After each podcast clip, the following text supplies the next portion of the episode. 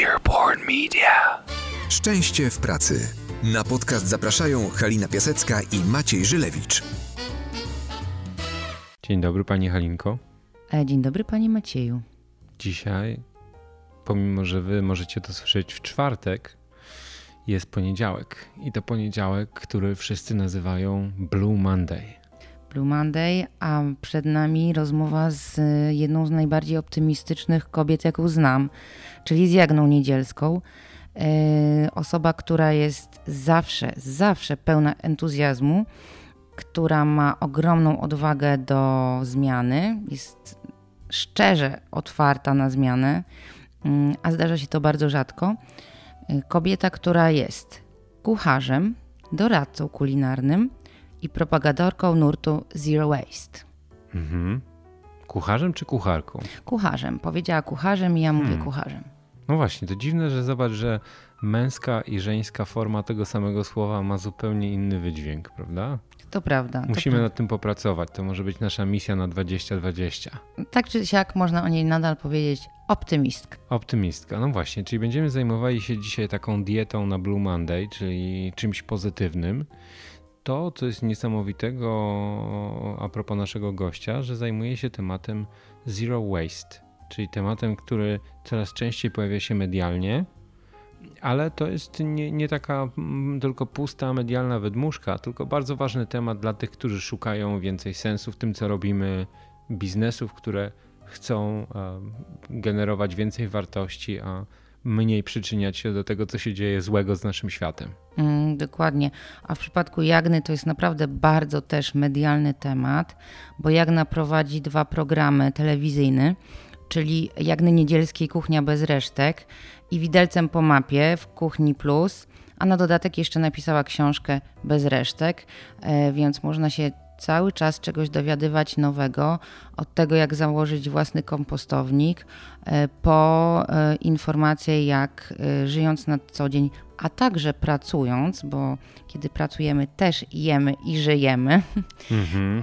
co robić, żeby przyczyniać się do tworzenia lepszego świata, działać na korzyść naszej planety, wpływać na jakość życia przyszłych pokoleń y, i myśleć naprawdę rozwojowo. Coś, co jest bardzo ważne w tej chwili. Coraz więcej osób się nad, te, nad tym zastanawia, Mhm. coraz więcej organizacji o tym myśli. No właśnie. Ja czuję duże pokrewieństwo z Jagną, dlatego że e, podobnie jak ona rozpoczynałem swoją edukację od e, studiów prawniczych i podobnie jak ona e, zdecydowałem się na poważną zmianę i e, wylądowaliśmy w zupełnie innych miejscach. Natomiast oboje chyba z tej decyzji i z podjęcia takich kroków jesteśmy niezwykle szczęśliwi. Tak, tak. Jagna jest przykładem osoby bardzo szczęśliwej w pracy e, i aż się nie mogę doczekać rozmowy z nią, e, bo cieszę się, że będę mogła podzielić się e, tym szczerym entuzjazmem do pracy i do życia, jaki ona, ona przedstawia. Mhm. Jest druga połowa stycznia, to oznacza, że większość y, z naszych słuchaczy być może już myśli o porzuceniu swoich postanowień noworocznych, czego Wam nie życzymy, ale znamy realia, albo już to zrobiła. Więc jeżeli macie ochotę nakręcić się pozytywnie na e, może jakieś takie postanowienia, które są dobre i dla Was, i dla Waszego otoczenia, są przy okazji bardzo konkretne i mogą wpływać na konkretne zmiany, to myślę, że warto posłuchać rozmowy z Jagną.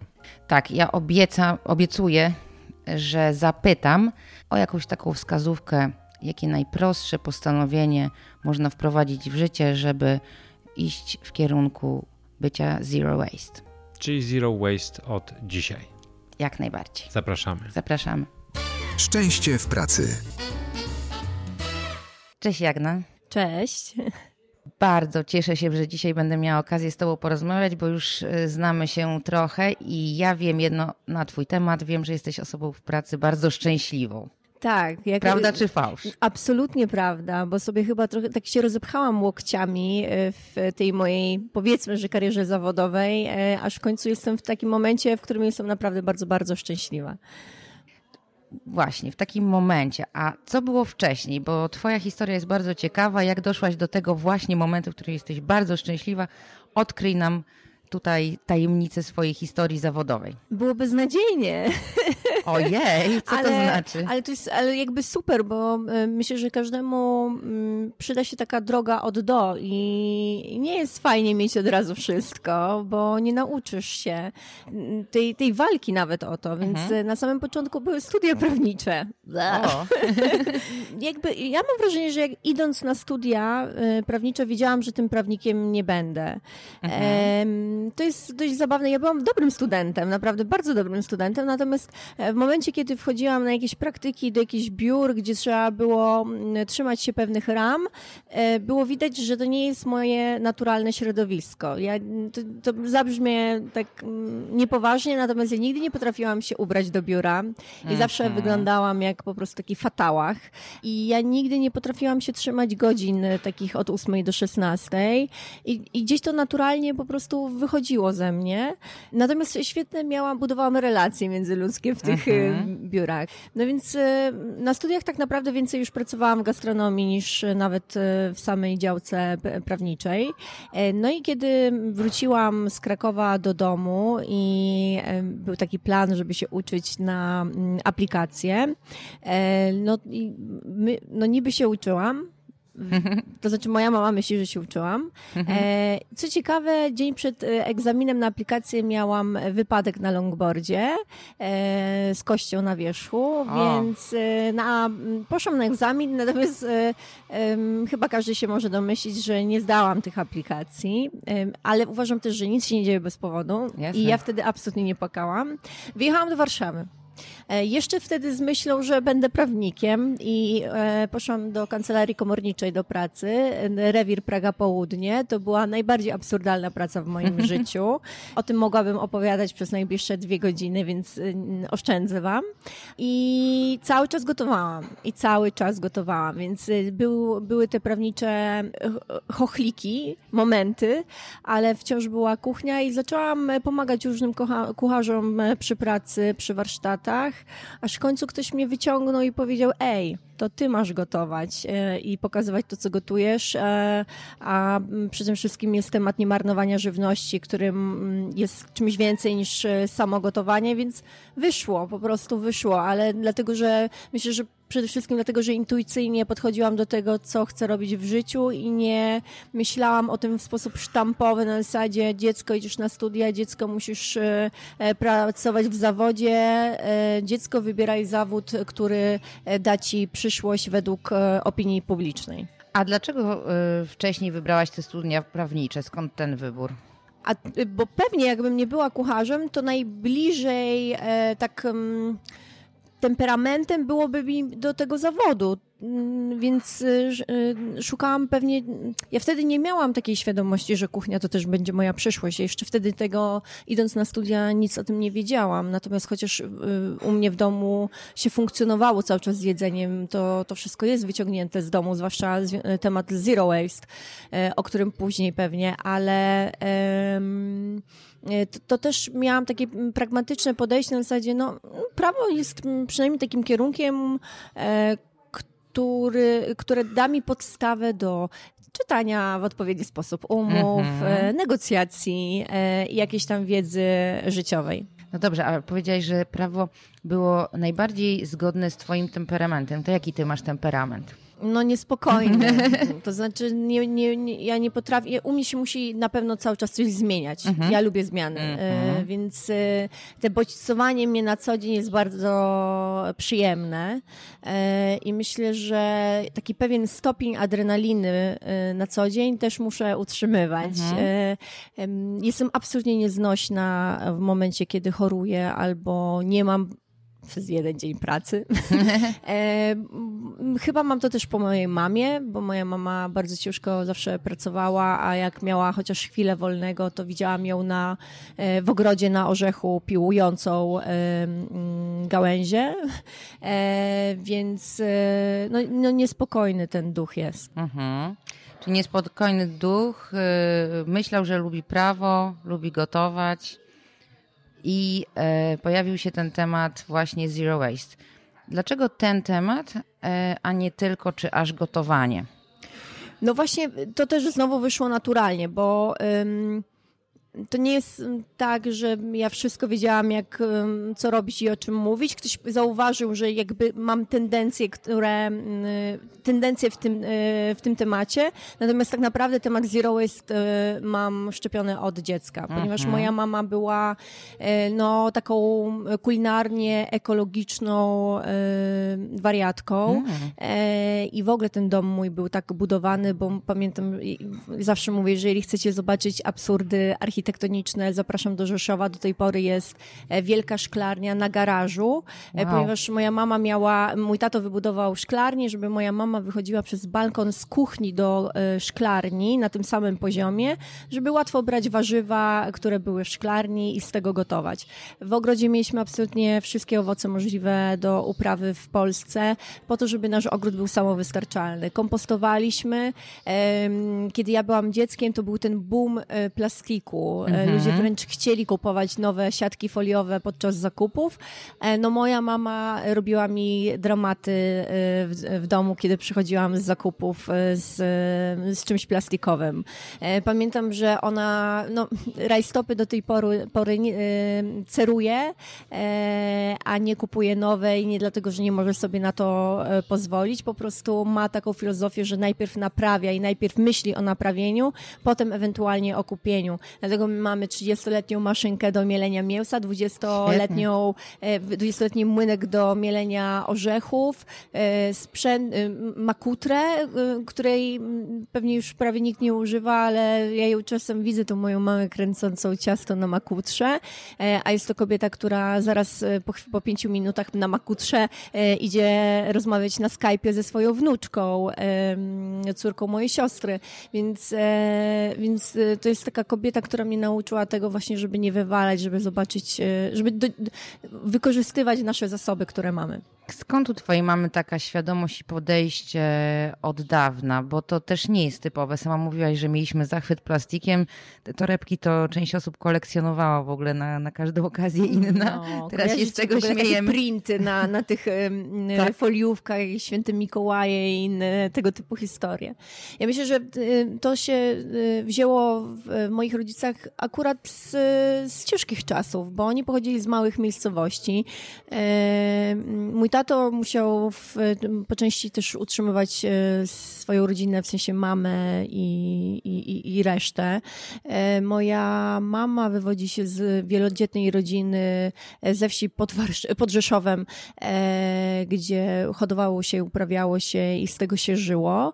I myślę, że tamte czasy, kiedy oni dorastali, no to zmusiły te czasy i też mm, no taka mm, no, rezultność ich rodziców do tego, żeby tak funkcjonować. Natomiast oni już potem e, pracowali, żyli w dużym mieście, stosunkowo, Rzeszowie mhm. i jakoś nie wyzbyli się tych e, tych zasad i przyzwyczajeń. Poza tym mój tato, e, oprócz tego, że był no wtedy mm, dość znanym ekonomistą i, i przedsiębiorcą, ale on pamiętam zawsze, teraz już nie żyje, ale ja go zawsze pamiętam jako człowieka, który przykuwał bardzo mocną uwagę do tego, jakie produkty e, żywnościowe są w domu, z czego gotujemy. No niestety moja mama miała podgórkę, bo ona musiała wszystko robić sama, e, począwszy od robienia śledzi takich swoich, swoich. I też on łączył medycynę konwencjonalną z niekonwencjonalną, ćwiczył codziennie jogę i, i ja, no, oni chyba mieli po prostu już tak w naturze ze z domu wyniesione. Mhm. Tak musiało być. Czyli ty to y, masz we krwi, to, to masz w genach i to w tobie gdzieś tam zostało zasiane już dawno temu. Jak to się objawiło w twojej pracy? Czyli jak to wpłynęło właśnie na to, na to, na to że teraz możesz powiedzieć, że jesteś bardzo szczęśliwa? Jak, jeszcze wróćmy do tego, jaka ta twoja droga była. No to teraz zaczynam prowadzić warsztaty kulinarne. Jeszcze po drodze y, otwieram knajpę, otwieram firmę cateringową. No i co? I ręka do góry. Kto lubi, kto lubi wyrzucać jedzenie? No nie ma takiej osoby. A teraz druga rzecz. Czy y, opłaca się wyrzucać jedzenie? Nie opłaca się, więc zaczęły, zaczęłam łączyć kropki. No jako właścicielka firmy, współwłaścicielka, no ja muszę wszystko zrobić, żeby zminimalizować straty na kuchni, bo przecież to są po prostu moje realne pieniądze. Oczywiście. Jako osoba kucharz i zajmująca, kucharka zajmująca się ekologią kulinarną, gryzie mnie sumienie, gdy coś wyrzucamy. No i tak też gospodarowałam zawsze domem, tak jak moja mama mnie uczyła, więc po prostu na to się nie godzę. A potem y, zauważyłam, że na świecie zaczęły się pojawiać restauracje, które w ogóle zajmują się prowadzeniem nazywają się restaurac restauracjami Zero Waste. Pierwsza taka powstała w Australii, ale potem szybko powstała restauracja w, w Brighton o nazwie Silo i w Helsinkach o nazwie Nolla. I tam byłam na praktykach. Mhm. Pojechałam, napisałam do nich, zapytałam się, czy mogę przyjechać, e, popracować z nimi. E, zgodzili się i, i to był kolejny bodziec, e, kolejny bodziec, żeby się tym zająć. E, no bo piękne rzeczy tam zobaczyłam. Zobaczyłam, że restauracja, która uważam, że też jest, restauracje są miejscem edukacji e, naszej. E, powinniśmy dawać bardzo dobry przykład naszym gościom, bo nie, nie nazwę klientom, tak, tak gościom, ale i to są ludzie, którzy jako przedsiębiorcy, bo restauracja to jest to miejsce też, doprowadzili do tego, że e, ich odpady są na poziomie 1%, że udowadniają tym, że rzeczy z recyklingu e, mogą mieć miejsce w e, eleganckich restauracjach, że kultura osobista również dotyczy kucharzy, że w ogóle nie marnowanie żywności to kultura osobista, że mm, no, nieoczywiste części produktów, które używamy w kuchni mogą być cudowne, smaczne i pięknie e, podane. Więc e, e, na przekór mm, temu, co się działo wtedy w Polsce, bo ja uważam, że my się teraz obudziliśmy i my naprawdę prowadzimy teraz fajną walkę o to nasze dobro, a przez jedzenie i przez niewyrzucanie, niemarnowanie i przez naszą dietę, to jaką, co my jemy, mm -hmm. my naprawdę jesteśmy w stanie uratować świat. Mm. E, no dobrze, czyli w ogóle mm, mamy tutaj też taką misję edukacyjną, to żeby pokazać ludziom, że można mieć z tego i przyjemność, i korzyści, e, ale też po prostu dobrze żyć i dobrze wpływać na świat, na nasze otoczenie dzięki temu. Co to jest takie szczęście w pracy od strony kucharza? Mówisz tu o edukacji. To jest specyficzna branża. E, głosy są bardzo różne. Od uwielbień e, dla tych mistrzów kuchni po straszne słowa narzekania, że są to takie trochę gwiazdy, które e, dopiero od jakiegoś czasu pojawiły się na świecznikach. W tej, w tej specyficznej grupie, w tej branży, jeszcze zanim powiesz o sobie, co ty uważasz, że w tym Zero Waste jest takim szczęściem w pracy? Zero waste to jest e, arcyszczęście, bo jeżeli ja, e, wiesz, moja, pra, moja praca to jest no, obszerna przestrzeń, no bo po pierwsze to jest karmienie, ale też mam program, w którym testuję restauracje i, i sprawdzam, co podają i jak funkcjonują, więc e, też e, testowanie tego jedzenia i testowanie miejsc. To także jest pisanie na mojej stronie różnych tekstów związanych, na przykład dzisiaj będę publikować tekst o diecie dla planety, więc bardzo ważny temat. Jasne. To są moje programy, gdzie uczę gotować tak, żeby nie marnować, uczę o grupach produktowych, więc e, ja mam to, to szczęście, ale okej, okay, nikt mi tego nie dał, żeby była jasność, ja sobie to wypracowałam. Jasne. To są moje narzędzia, w, za pomocą których mogę przekazywać wiedzę o niemarnowaniu żywności. I to jest trochę taka moja misja. Um, czuję, że po prostu e, trochę taki mam cel w życiu, że mhm. ja nie chcę sobie tego zostawić tylko i wyłącznie dla siebie, że bardzo doceniam to, w, jakim, w jakiej rodzinie żyłam, co przeżyłam i bardzo chętnie się tym podzielę, bo chcę udowodnić ludziom, że to jest bardzo proste. A w obliczu tego, co, co się dzieje, na świecie, jakie mamy duże problemy z zmianami klimatu. No słuchajcie, jest zima, jest 10 stopni. Ja wiem, że my się cieszymy, bo jest ciepło, ale to są bardzo złe oznaki. E, to, że dzisiaj nie spałam do piątej nad ranem przez wysokie ciśnienie również jest e, konsekwencją tego. To, co się dzieje w Australii, to są konsekwencje mm, e, ludzkich poczynań na świecie i my sobie musimy z tego zdawać sprawę, że to my dzierżawimy kawałek ziemi od planety, a nie odwrotnie.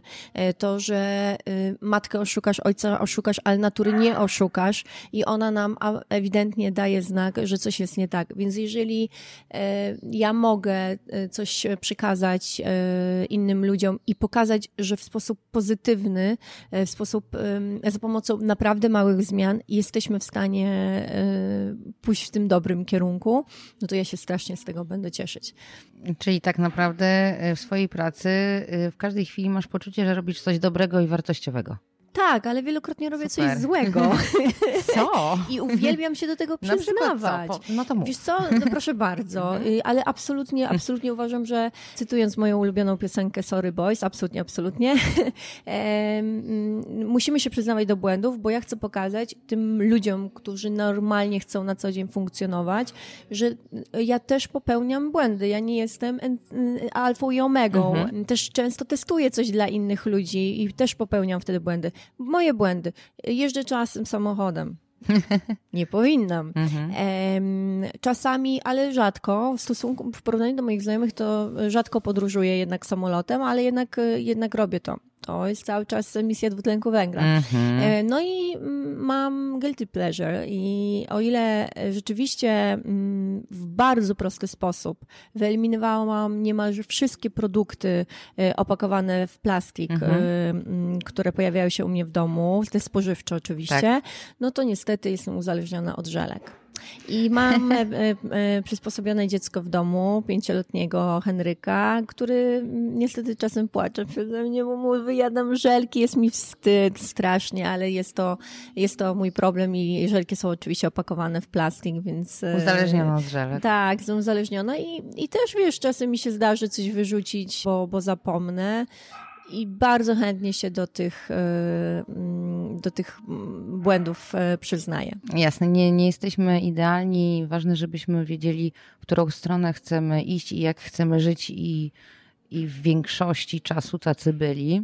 I tak, i wiesz co, do, dorzucę, że mm, dla mnie zawsze takim komfortem w głowie było to, że ja wiedziałam, co ja chcę zrobić. Mhm. I y, najbardziej współczuję osobom, które na przykład y, są w takim momencie swojego życia, że czują, że potrzebują zmiany, mhm. ale nie wiedzą, w którym kierunku pójść. Mhm. I uważam, że to jest najgorsze uczucie, że e, poszukiwanie tej, te, tego celu jest najgorszym momentem, bo w momencie, kiedy wiesz już, co chcesz robić, to e, czasem realizacja jest prostsza, czasem trudniejsza, natomiast to jest dużo łatwiejsze niż określanie swojego celu. A czy ty się nad tym zastanawiałaś, szukałaś tej odpowiedzi, jakby właśnie co chcesz robić, w którą stronę iść, czy ona po prostu do ciebie przyszła albo była już w tobie? Jak to z tobą I, jest. I tak i nie, wiesz, jako młody organizm, kiedy studiujesz i e, mama ci mówi mmm, cudownie, córko, prawnik, super, świetnie, a ty nie,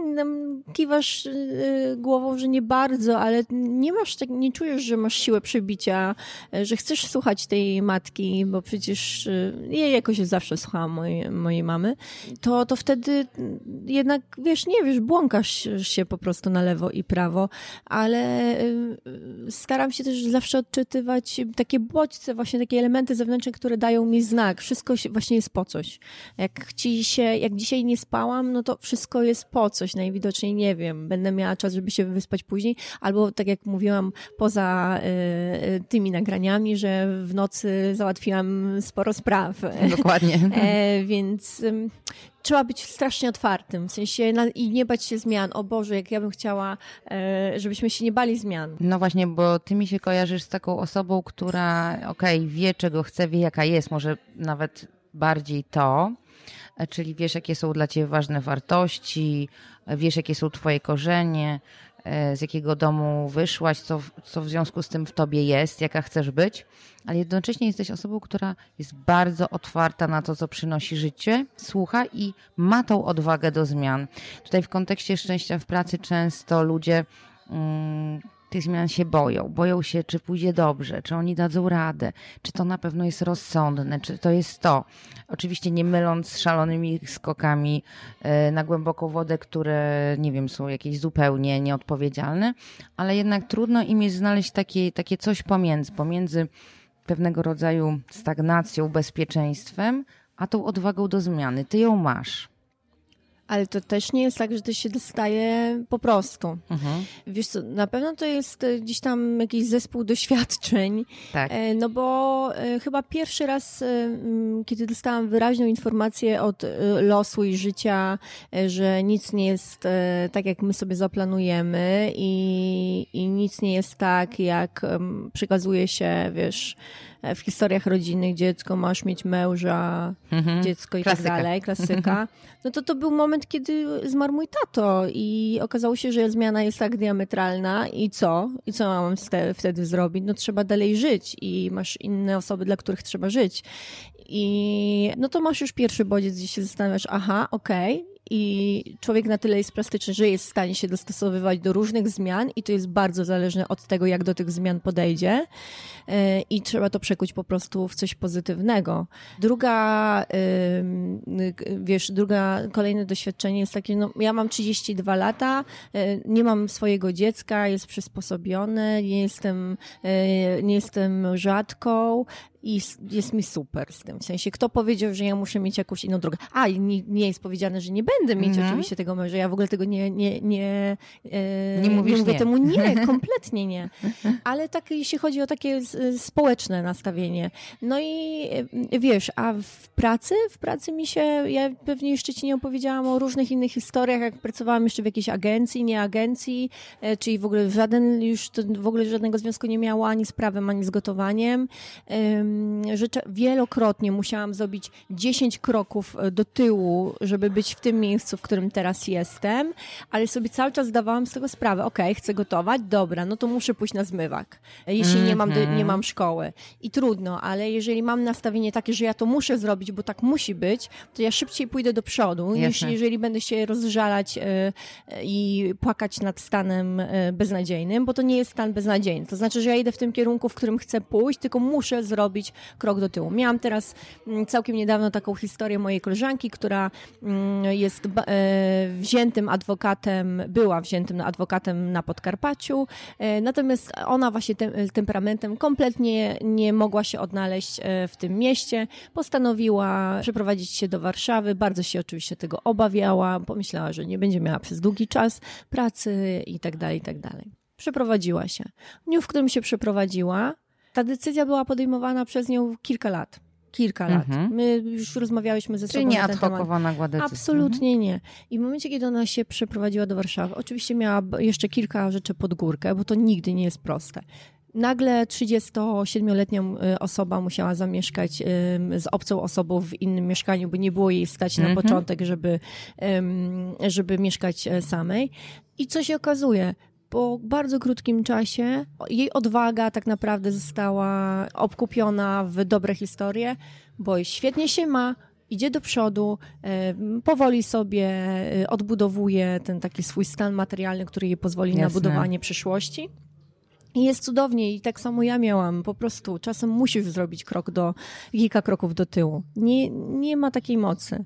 Czyli tak naprawdę to, y, to, co mówisz, to tak jakby trochę takie oczekiwania społeczne związane ze statusem wieku, z naszą płcią, jakie my powinnyśmy być, mając ileś tam lat, y, tak nas trochę blokują. To, to jest y, Bardzo. Tak, no właśnie, coś, co nam przeszkadza usłyszeć siebie tak naprawdę. Bardzo i ja z tym akurat będę walczyć i może mm, i tutaj czasem jestem może zapyskata, tak sobie myślę, że nie, nie spotykam się z takimi em, wiesz, pochlebnymi opiniami, że może nie powinnam się odzywać, ale wkurza mnie to, wiesz, bo, bo no, życie nie jest czarno-białe i nawet jeśli nasza najkochańsza mama albo tato sobie wymyśli to, to tak nie jest. To trzeba pokazywać tym ludziom, że ej, ja jestem szczęśliwa w takiej formie, nie w takiej, jak społeczeństwo sobie wyobraża. I tu nie ma co oceniać ani jednej, ani drugiej strony, bo ym, na przykład ja nie jestem przekonana, czy ja chcę mieć w ogóle dziecko swoje ze względu na to, między innymi ze względu na to, jakie są y, zmiany klimatu, ale jeżeli słyszę, że ktoś jest w ciąży z moim moich znajomych, to ja się strasznie cieszę. To, że ja nie chcę mieć dziecka nie oznacza, że jestem zimna i że nie mam uczuć mhm. i że tych dzieci nie lubię. Dlatego nie oceniajmy w ten sposób, Oczywiście. bo naprawdę te strony życia mogą być tak w różnych kolorach, że te szufladkowanie siebie i kogokolwiek innego odbiera nam energię i siły do pracy i do szukania e, swojego celu. Ja jestem przekonana, że na pewno w zmianach, kiedy jesteśmy w pracy i ta praca nam się nie podoba, to pierwsze, co powinniśmy sobie zrobić, to z, y, odpowiedzieć na pytanie, czego ja chcę. Mhm. Bo narzędzia do tego się znajdą, mhm. ale czego ja chcę? To jest pierwsze pytanie. Ok, jest mi źle, nie dogaduję się z kimś tam. Yy, wiesz, w pracy też, też są właśnie relacje międzyludzkie i często to yy, gdzieś tam nie działa w, w, tej pracy i też sobie trzeba zadać pytanie, ok, czy ten ktoś, z kim mam problem, yy, kiedy porozmawiam z nim, zmieni się? Nie zmieni się najprawdopodobniej. To, czy ja toleruję takie stany rzeczy? Nie toleruję to czy ja muszę się na to godzić? Nie muszę obcować z tą osobą. My mamy naprawdę wiele e, możliwości. Tak to naprawdę jest... mamy wybór i, Kurczę, i, i możemy pewnie. zostać też w tej pracy, zdecydować, że nie chcę tego zmieniać, ale podjąć ten wybór lub zdecydować, nie, ja już tego nie chcę. Dokładnie tak, nikt nas nie przywiązał, mhm. nikt nam niczego nie kazał i nawet z najgorszych sytuacji jesteśmy w stanie wyjść. Mhm. Czyli tak, mówisz o tej odwadze do zmiany. Na pewno Twoją bardzo mocną stroną jest optymizm. Ja to uwielbiam, bo jestem w tym do Ciebie bardzo podobna. Jak się poznałyśmy, to pierwsza rzecz, która mi się na maksa spodobała. Czy Mój też były chłopak i pewnie dlatego była. jest byłym. Powiedział, że optymiści to głupi ludzie. I jak pierwszy raz usłyszałam tak, hmm, uciekam. A ja ostatnio przeczytałam bardzo taką y, fajną rzecz, że właśnie ludzie, którzy dużo dają, są optymistami, są empatyczni i tak dalej, właśnie uważani są za słabych, nie wiem, głupich czy coś, a tu tylko chodzi o to, oczywiście to jest jakieś zawężenie, ale tam było powiedziane, tu tylko chodzi o to, że e, dodatkowo nie stawiają granic. I być może też coś w tym jest, wiesz, że, że jedno i drugie jest ważne i mam wrażenie, że ty właśnie te swoje granice potrafisz postawić to ja jeszcze tylko jedną rzecz dodam, że y, to, jest tak, że y, masz do wyboru albo jesteś optymistą, albo jesteś y, pesymistą i teraz jeżeli cały czas oceniasz coś źle albo z takim małym prawdopodobieństwem, że coś się uda, to co to jest? To jest tak naprawdę, skupiasz się na tej złej energii, to jest autoagresja. To jest skupianie się cały czas na czymś złym. Czy, czy z takimi emocjami, z takimi narzędziami jesteś w stanie coś dobrego ulepić? No nie, po prostu. Mm -hmm.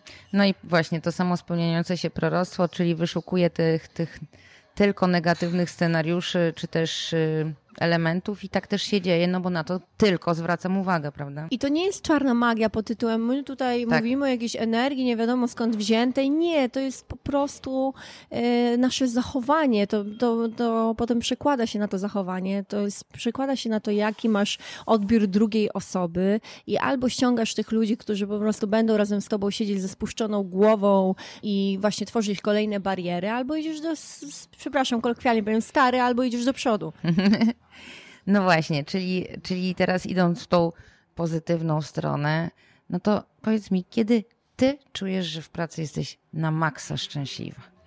Kiedy e, pracuję dla ludzi. Ale to jest, e, bo wiesz, moja praca jest troszeczkę związana z uzależnieniami. Wow. bo, Dobra puenta. No, to jest, bo ja się nad tym zastanawiam. Ja jestem uzależniona od jedzenia i gotowania, mhm. po prostu. Mhm. I, I to jest tak, że ze mnie się nawet śmieją moi agenci czy, czy, czy mój chłopak, że ja rozmawiam z nimi na zasadzie, kochanie, a co będziemy jeść wieczorem, bo ja mm lubię sobie pomyśleć mm -hmm. o tym, co my mhm. będziemy jeść. I po pierwsze to jest jedno uzależnienie, mm, a drugie takie uzależnienie, no to to jest właśnie ten kontakt z drugim człowiekiem. Mm -hmm. I to i ja wtedy jestem szczęśliwa, kiedy jest jedzenie, kiedy jest wino dobre i kiedy jest, jest człowiek. E, bo na przykład jak prowadzę jakieś warsztaty albo szkolenia, albo wykłady interaktywne, no właśnie, to one są interaktywne, dlatego że ja bardzo nie lubię takich wystąpień publicznych polegających na monologu. Bo kiedy robimy monolog, to zauważmy, że przekazujemy tylko i wyłącznie wizję świata swoją nie pytając, nie, nie myśląc o tym, kto jest naszym odbiorcą. Mhm. I uważam, że wszystkie, zwłaszcza w takim, w moim temacie, kiedy mam kogoś e, do czegoś przekonać albo czegoś nauczyć, to ja muszę wiedzieć, jaki jest stan rzeczy u tego kogoś, kto jest moim odbiorcą. Więc ja bardzo lubię zadawać pytania i tak naprawdę w pierwszym zdaniu po przedstawieniu się zadaję od razu te pytania. E, Staram się animować tych ludzi do rozmowy i nawet to są wykłady, wiesz, czasem na, dla 100 osób, dla 200 osób, ale my rozmawiamy, e, będąc w tak dużym gronie i nie wyobrażam sobie in, innej pracy niż dialog z człowiekiem, bo po prostu nie wiesz, co ten człowiek może chcieć od ciebie. Mhm. No właśnie mówisz o ludziach, dla których prowadzisz spotkania, warsztaty, z którymi rozmawiasz. E, Ja najczęściej pracuję w 95% z największymi organizacjami, korporacjami. Jak to Zero Waste y, ma się do pracy ludzi w takich miejscach? Bo y, co to ma wspólnego właśnie z takim życiem na co dzień? Nie w restauracji, nie kiedy ktoś zamawia catering, tylko po prostu na co dzień, żeby, żeby zadbać o to swoje szczęście w pracy od tej strony. No i to jest właśnie ciekawe, bo takim moim odbiorcą, oprócz tego, że prowadzę po prostu warsztaty kulinarne, gdzie uczymy się gotować i, i, i tak gotować, żeby nie marnować, to są po prostu randomowe osoby.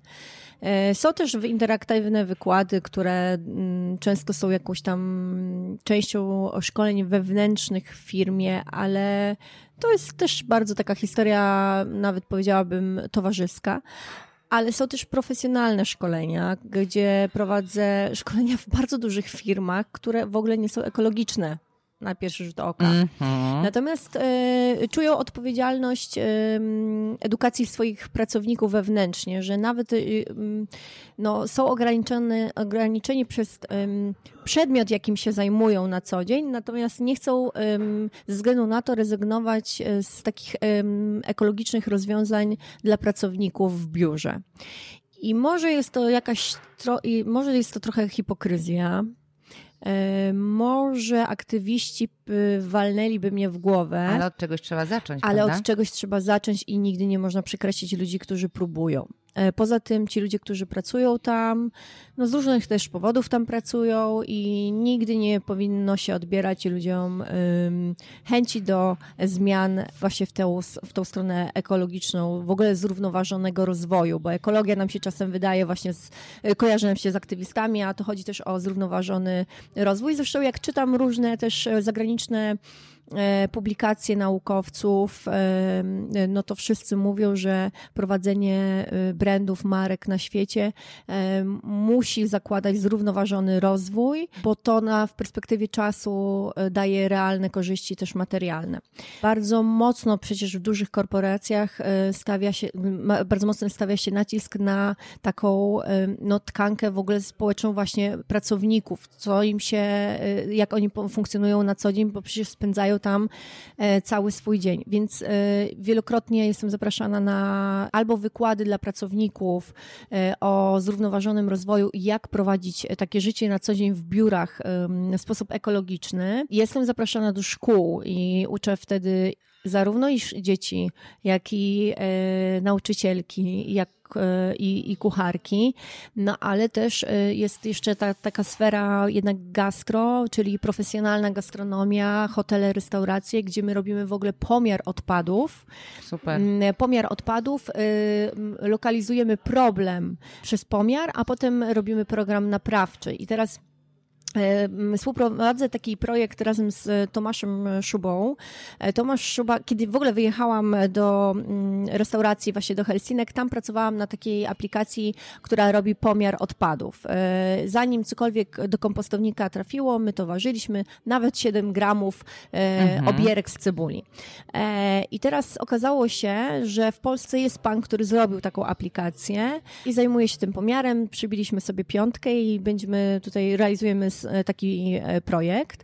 To z ciekawości, z ciekawostek to opowiem, że na przykład zrobił pomiar w hotelu pod Warszawą około 300 pokoi i w ciągu roku mieli straty na samym produkcie, na samym produkcie, mhm. czyli nie było pracy człowieka w to tak, wliczone, tak. nie było energii, nie było wody, nie było tak. niczego. Stracili półtorej bańki e, wow. czystej gotówki. I teraz uwaga, masz dwa, zadaj, zadaję ci dwa pytania. E, interesujesz się ekologią? No to półtorej bańki to jest możliwość kupowania lepszej jakości e, Jasne. produktów, e, nauki Twoich ludzi i e, szkolenia ich pod każdym kątem i robienia dodatkowych rzeczy dla Twoich klientów i gości. Nie interesujesz się ekologią, to kup sobie Bentleya w takim razie, e, bo to jest półtorej bańki, mniej więcej równowartość e, mm, Bentleya. Więc e, mamy bardzo dużo możliwości, my bardzo dużo wyrzucamy pieniędzy, to jest po prostu bez sensu. No dobrze, czyli tak jak powiedziałyśmy, że bez względu na to, w jakiej sytuacji jesteśmy, zawsze można zrobić coś dobrego, od jakiegoś pierwszego kroku zacząć, to na koniec co możesz powiedzieć, jakaś taka bardzo prosta rzecz, którą każdy z nas może zrobić na co dzień w pracy, w domu, w każdej chwili, żeby przyczynić się do tego świadomego e, podejścia właśnie do życia, do ekologii, dbania o siebie, o naszą planetę. Jedna prosta rzecz. Dobrze. Niczego nie zrobimy, dopóki nie zauważymy, co robimy. Czyli pomiar. E, mhm. Dopóki e, nawet wyjmujemy sobie karteczkę i przez 7 dni e, piszemy, co wyrzucamy, czy to jedzenie, czy to plastikowe historie i zobaczmy, co to jest. Świetnie. Jak zobaczymy, to wtedy znajdą się Świetnie. narzędzia. Ja już tu karteczkę swoją przygotowałam. Zachęcam wszystkich i dziękuję Ci bardzo. Dzięki. I wspaniałego dnia. Wzajemnie. Smacznego dnia. Smacznego dnia, dokładnie. Dzięki. Szczęście w pracy. Na podcast zapraszają Halina Piasecka i Maciej Żylewicz.